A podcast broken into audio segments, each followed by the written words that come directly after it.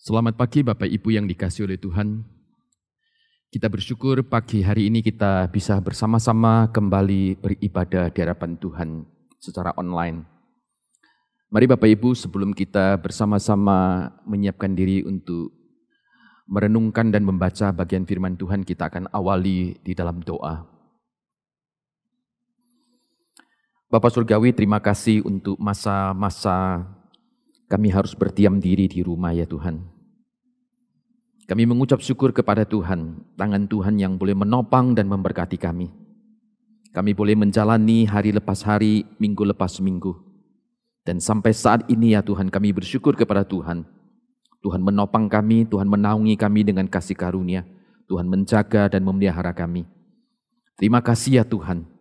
Pagi hari ini ketika kami harus stay di rumah ya Tuhan.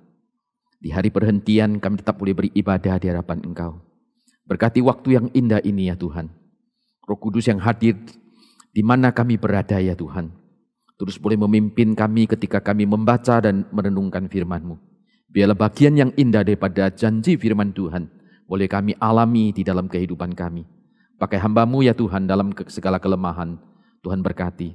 Terima kasih Bapa dalam nama Yesus kami berdoa. Amin. Mari jemaat yang dikasih oleh Tuhan, saya bersama-sama mengajak kita melihat satu bagian firman Tuhan yang terambil di dalam Injil Markus pasal yang ke-6 ayat yang ke-30 hingga ayat yang ke-32. Injil Markus pasal yang ke-6 ayat yang ke-30 hingga ayat yang ke-32. Kita akan merenungkan firman Tuhan dengan sebuah tema yaitu berhenti sejenak. Saya akan bacakan bagian firman Tuhan ini, Markus pasal yang ke-6, ayat yang ke-30 hingga ayat yang ke-32. Firman Tuhan berbunyi demikian. Dan kemudian rasul-rasul itu kembali berkumpul dengan Yesus dan memberitahukan kepadanya semua yang mereka kerjakan dan ajarkan. Lalu ia berkata kepada mereka, Marilah kita ke tempat yang sunyi, supaya kita sendirian dan beristirahat seketika. Semap memang begitu banyak orang yang datang dan yang pergi, sehingga makan pun mereka tidak sempat. Maka berangkatlah mereka untuk mengasingkan diri dengan perahu ke tempat yang sunyi. Demikian pembacaan firman Tuhan pada pagi hari ini. Adalah berbahagia kita yang membaca dan merenungkannya serta melakukannya di dalam kehidupan kita hari lepas hari. Bapak Ibu yang dikasih oleh Tuhan, bagi kita sebagian pecinta gitu ya, balap Formula One, maka kita akan melihat para pembalap itu ketika mereka memacu kendaraan mereka dengan satu kecepatan yang sangat tinggi, bahkan dikatakan dengan kecepatan di atas 300 km per jam. Mereka bisa menyelesaikan berpuluh-puluh lap dalam waktu yang relatif sangat singkat. Nah pada waktu mereka sedang berlomba sedemikian, biasanya ada sesuatu yang mereka lakukan. Di antara putaran lap yang ada, yaitu mereka akan berhenti di pit stop.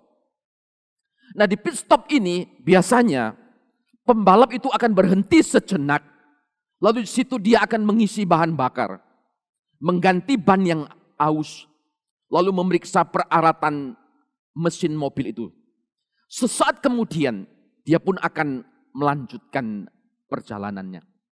Nah Bapak yang dikasih oleh Tuhan, berhenti di pit stop, sering kali itu menjadi penentu kemenangan di kemudian hari bagi sang pembalap.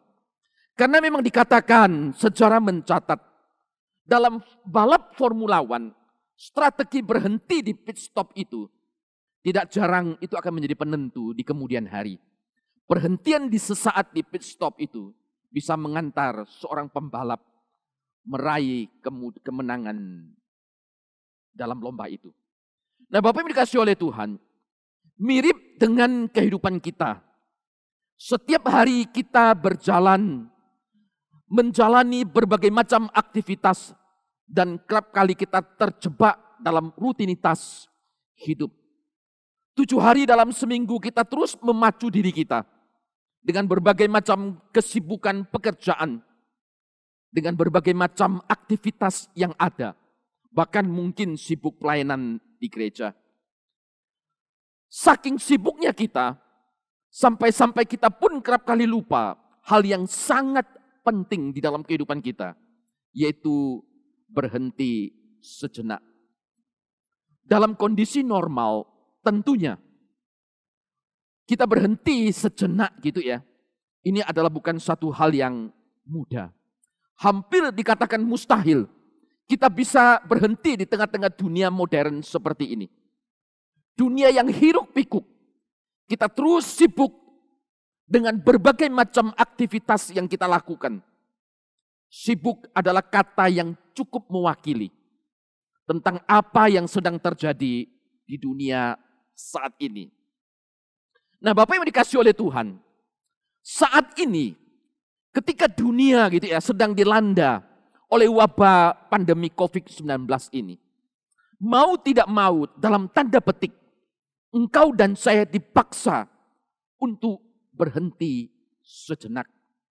Karena itu Bapak Ibu yang dikasih oleh Tuhan, ketika kita berhenti sejenak gitu ya, biarlah kita memanfaatkan stay at home selama masa wabah pandemi Covid ini sebagai waktu berdiam diri atau berhenti sejenak untuk memulihkan atau menyegarkan akan kehidupan kita.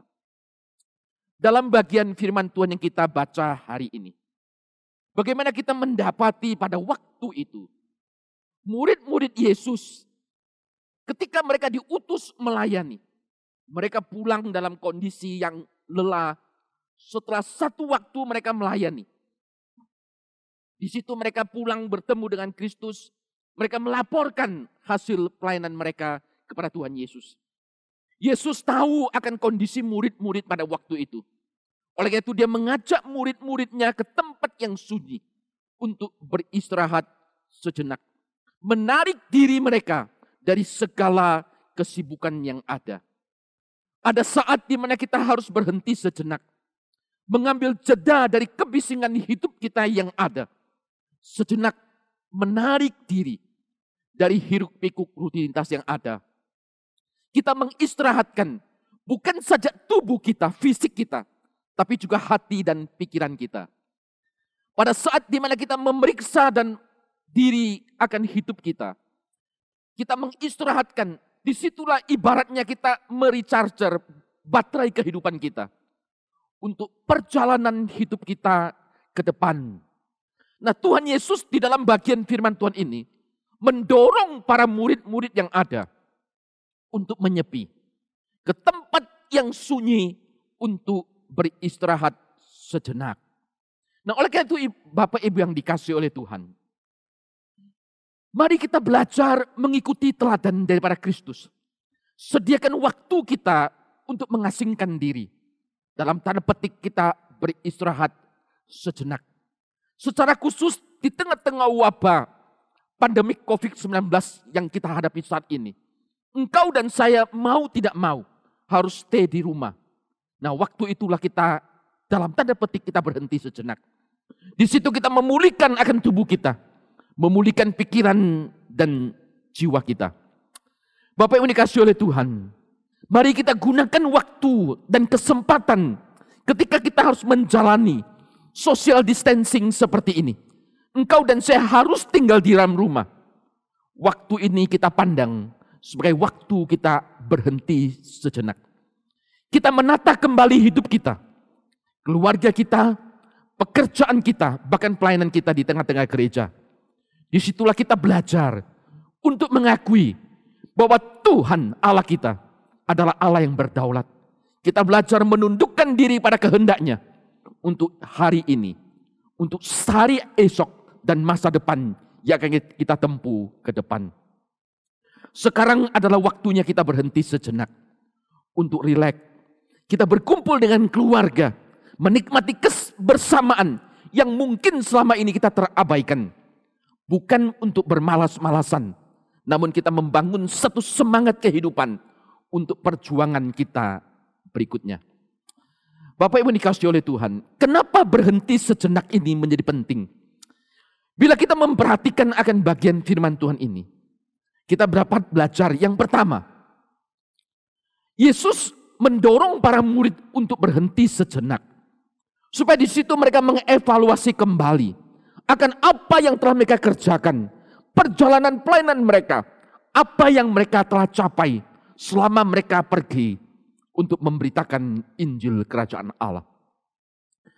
Di pasal yang ke-6 Injil Markus ini, sebelum tiba di bagian yang kita baca di ayat 30 dan 32 ini, maka perikop sebelumnya di atas, secara khusus di ayat yang ke-6 hingga ayat yang ke-13, LAI memberi judul Yesus mengetus ke-12 rasul yang ada.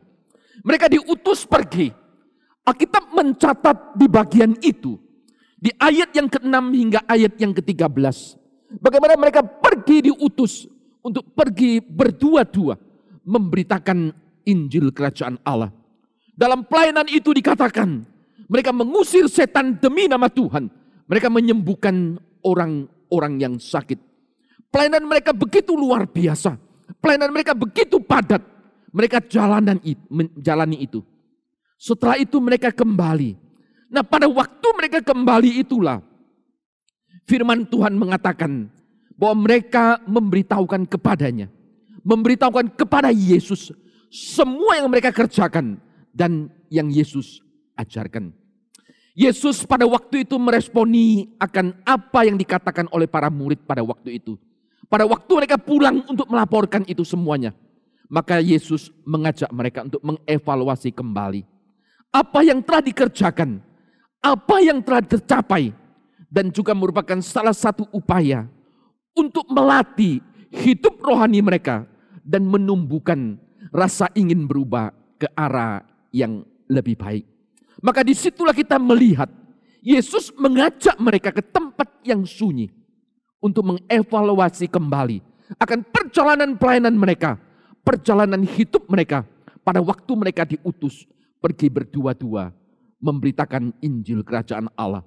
Mereka di situlah berhenti sejenak, merefleksi kembali akan apa yang mereka telah lalui di dalam pekabaran Injil Kerajaan Allah itu. Bapak Ibu yang dikasih oleh Tuhan, dalam masa social distancing seperti sekarang ini, kiranya menjadi saat yang baik juga bagi kita untuk berhenti sejenak dari aktivitas rutin kita dan kita merefleksikan kembali hidup kita untuk menemukan akan kehendak Allah yang indah bagi hidup kita. Yesus setelah melatih murid-murid yang ada, mempersiapkan para murid untuk terjun ke pelayanan. Mereka diperlengkapi dengan kuasa yang datang daripada Tuhan. Mereka diutus pergi. Mereka memberitakan akan Injil Kerajaan Allah. Setelah mereka kembali, di situ mereka beristirahat sejenak lalu mengevaluasi akan apa yang mereka kerjakan, akan pelayanan mereka.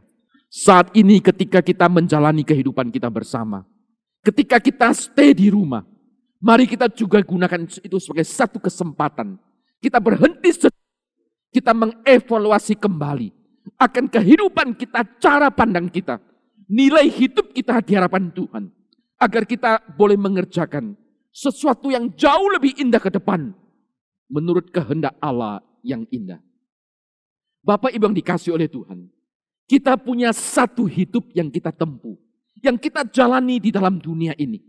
Sampai saat ini, sebagian kita mungkin sudah melalui itu seperapat, mungkin sepertiga, mungkin setengah, mungkin tiga perempat, atau mungkin kita juga berada di titik-titik akhir di dalam perjalanan hidup kita. Apa yang sudah kita lalui itu sudah lampau dan takkan kembali lagi. Tapi bagaimana dengan yang masih sisa? Apakah yang akan kita lakukan dengan itu? Dari Bapak Ibu dikasih oleh Tuhan. Dalam usia saya sekarang seperti ini. Kalau kita mengambil patokan dari Mazmur 90. Masa hidup manusia adalah 70 tahun. Kalau kuat adalah 80 tahun. Maka boleh dikatakan dua per tiga. Kehidupan waktu yang Tuhan anugerahkan. Dalam kesempatan harapan hidup. Dua per tiga itu sudah dilalui. Bagaimana dengan Bapak Ibu semuanya? Ketika kita sudah melalui sekian waktu dalam hidup yang Tuhan anugerahkan. Mari kita gunakan waktu ini untuk berhenti sejenak untuk mengevaluasi kembali. Supaya sisa waktu kita ke depan, kita tahu bagaimana kita harus gunakan dengan sebaik mungkin. Dan nama Tuhan ditinggikan dan dimuliakan. Manfaatkanlah waktu ketika kita harus stay di rumah. Untuk memperkaya relasi hidup kita dengan Tuhan dan dengan anggota keluarga kita yang ada. Itu yang pertama. Lalu yang kedua, Ketika murid-murid kembali, Yesus mengajak mereka ke tempat yang sunyi. Selain mengevaluasi diri, mereka di situ juga menata untuk hidup mereka ke depan.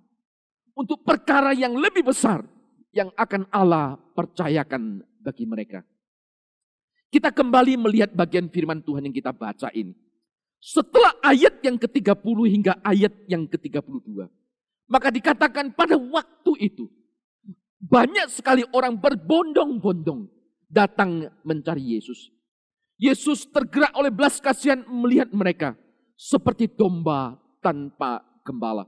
Yesus mengajar mereka. Bahkan dikatakan sampai hari sudah menjelang sore, hampir malam. Pada waktu itu lalu apa yang terjadi? Yesus berkata, bertanya kepada para murid yang ada.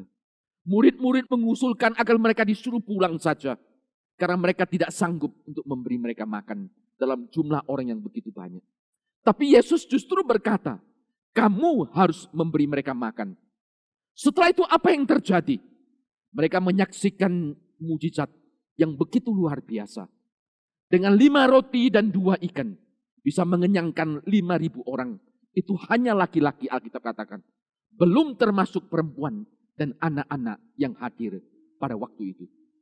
Ini adalah satu perkara yang besar yang Allah izinkan murid-murid alami pada waktu itu. Setelah mereka beristirahat sejenak, setelah mereka mengevaluasi, setelah mereka berhenti di tempat yang sunyi, di depan ada perkara yang besar yang Allah percayakan kepada mereka untuk mereka saksikan. Mereka melihat satu mujizat yang begitu luar biasa ajaibnya dengan lima roti dua ikan mengenyangkan lima ribu orang. Mari Bapak Ibu yang dikasih oleh Tuhan. Kita melihat dengan mata iman yang sama. Yakinlah setelah masa pandemi COVID-19 ini berlalu. Di depan ada perkara besar yang akan Tuhan lakukan di dalam dan melalui hidup Bapak Ibu dan kita semuanya. Kita mengamini itu, kita percaya. Saat ini memang kita berada dalam masa berhenti sejenak. Mungkin kita kehilangan kenyamanan. Usaha sulit. Kita tidak bisa berkumpul dengan orang-orang yang kita ingin ajak berkumpul selama ini. Kita menjalani kehidupan yang tidak sebagaimana biasanya. Tapi percayalah, ke depan akan ada perkara yang lebih besar yang akan Allah kerjakan melalui hidup Bapak Ibu dan melalui kita semuanya. Saya akan menunjukkan beberapa contoh di dalam Alkitab. Yang pertama misalnya di dalam satu Raja-Raja pasal yang ke-19. Di situ menceritakan ada seorang nabi Tuhan yang bernama Elia. Nabi Elia pada waktu itu barusan mengalahkan 400 nabi Baal di Gunung Karmel. Tapi ada waktu itu Isabel istri daripada Raja Ahab mendengar peristiwa itu. Lalu dia berkata kepada seorang suruhannya, untuk menyampaikan pesan kepada Nabi Elia. Dia mengatakan di dalam ayat yang kedua pasal yang ke-19 satu raja-raja. Beginilah kiranya para alam menghukum aku. Bahkan lebih daripada itu. Jikalau besok kira-kira pada waktu ini aku tidak membuat nyawanya sama seperti nyawa salah seorang dari mereka itu. Ketika Nabi Elia mendengar ancaman Isabel itu, maka dia mengalami ketakutan yang begitu luar biasa. Dia pergi sembunyi dan menyelamat untuk menyelamatkan nyawanya. Alkitab mengatakan dia berhenti dan bersembunyi di daerah Beersheba. Dan waktu yang dia habiskan sampai dia berjalan ke gunung Horeb Tuhan. Ada 40 hari lamanya. Pada waktu itu ketika dia mengasingkan diri. Elia mengalami keputusasaan yang begitu luar biasa. Waktu itu dia berkata, cukuplah itu sekarang ya Tuhan. Ambillah nyawaku, sebab aku ini tidak lebih baik daripada nenek moyangku. Di ayat yang keempat. Waktu itu Elia mengalami lockdown pada waktu itu. Dia ada di sana terasing, mengisolasi diri di sana. Selama 40 hari sampai akhirnya dia tiba di kaki gunung Horeb. Justru di situlah Allah menyatakan diri kepada Elia. Apa yang sebelumnya tidak pernah dialami, sekarang dialami. Maka di ayat selanjutnya, ayat 11 hingga ayat yang ke-13. Bagaimana Tuhan menampakkan diri di dalam kemuliaannya bagi Elia pada waktu itu. Firman Tuhan mengatakan, segera sesudah Elia mendengarnya, ia menyelemungi mukanya dengan jubahnya. Lalu pergi keluar dan berdiri di pintu gua itu. Maka datanglah suara kepadanya yang berbunyi. Apakah kerjamu di sini, hai Elia? Ini adalah perkara besar yang Tuhan izinkan. Elia alami setelah masa lockdown. Dia mengisolasi diri pada waktu itu. Dia mengisolir dirinya pada waktu itu di Abed Seba. Dia mengalami tekanan hidup, ancaman, bahkan dia ingin mati. Tapi setelah peristiwa itu berlalu, engkau dan saya menyaksikan bagaimana kemuliaan Tuhan disingkapkan ini adalah satu perkara besar yang Tuhan izinkan Elia alami. Yang sebelumnya belum pernah dia alami. Lalu contoh yang kedua kita lihat di dalam keluaran pasal yang ketiga. Firman Tuhan mengatakan di dalam keluaran pasal yang ketiga. Yaitu seorang nabi Tuhan yang bernama Musa. Di ayat pertama dikatakan adapun Musa ia biasa menggembalakan kambing domba Jitro mertuanya. Nah Bapak Ibu dikasih oleh Tuhan kalau kita perhatikan. Kata biasanya.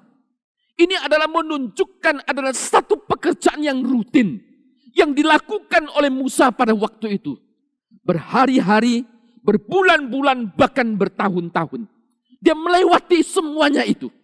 Alkitab mencatat Musa ada di padang Median. Di rumah mertuanya Jitro menghabiskan masa waktu lockdownnya itu selama 40 tahun.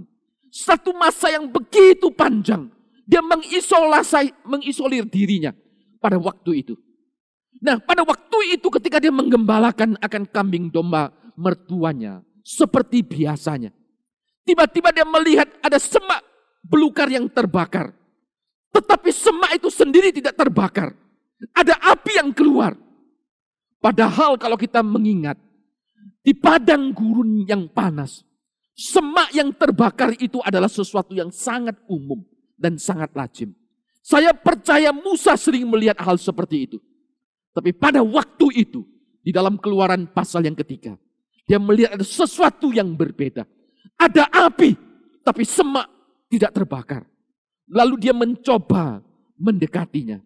Pada waktu dia mengambil waktu untuk mendekati, dia mendengar, dia melihat dan menyaksikan betapa Tuhan, malaikat Allah, menyatakan diri kepadanya. Hai Musa, tanggalkanlah kasutmu, sebab tempat di mana kamu berdiri adalah kudus adanya. Melalui penglihatan itu, di kemudian hari, Musa diutus oleh Tuhan untuk pergi membebaskan bangsa Israel keluar dari perbudakan di tanah Mesir. Ini adalah perkara besar yang Tuhan percayakan setelah masa lockdown 40 tahun di padang Median yang Tuhan izinkan Musa alami pada waktu itu. Bapak Ibu dikasih oleh Tuhan, masa 40 tahun Musa mengisolir dirinya di sana. Setelah masa itu lewat, Tuhan memanggil dia untuk satu perkara yang besar yang belum pernah dia bayangkan, yaitu memimpin bangsa Israel keluar dari perbudakan di Mesir. Satu perkara yang ajaib Tuhan izinkan Musa alami dan Musa jalani. Bapak yang dikasih oleh Tuhan, C.S. Lewis mengatakan, kamu tidak bisa kembali dan mengubah saat kamu memulainya. Tetapi kamu bisa memulainya lagi dari man, di mana kamu berada sekarang dan ubah akhirnya. Saya bacakan satu kali kembali. Kamu tidak bisa kembali dan mengubah awal saat kamu memulainya.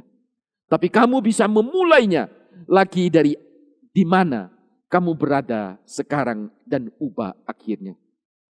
Bagian yang awal yang sudah lalu. Kita mungkin memang sudah tidak bisa mengubahnya. Tapi ke depan saat ini di mana engkau dan saya berada. Dan akhirnya yang ada di depan. Itu yang masih bisa kita kerjakan. Maka marilah kita lihat, percaya. Setelah masa pandemik COVID-19 ini. Ada perkara-perkara besar yang Tuhan akan izinkan engkau dan saya alami. Saat ini betul kita berhenti sejenak.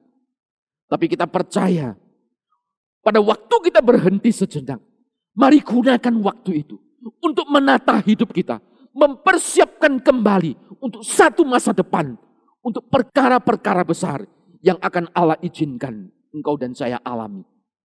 Bapak Ibu yang dikasih oleh Tuhan, hari ini dunia sedang digoncang oleh wabah virus COVID-19. Mari kita berhenti sejenak, berdiam diri sejenak. Kita merenungkan waktu yang Tuhan izinkan kita alami ketika kita stay di rumah. Kita gunakan itu untuk kebersamaan kita dengan keluarga, dengan orang-orang yang kita cintai.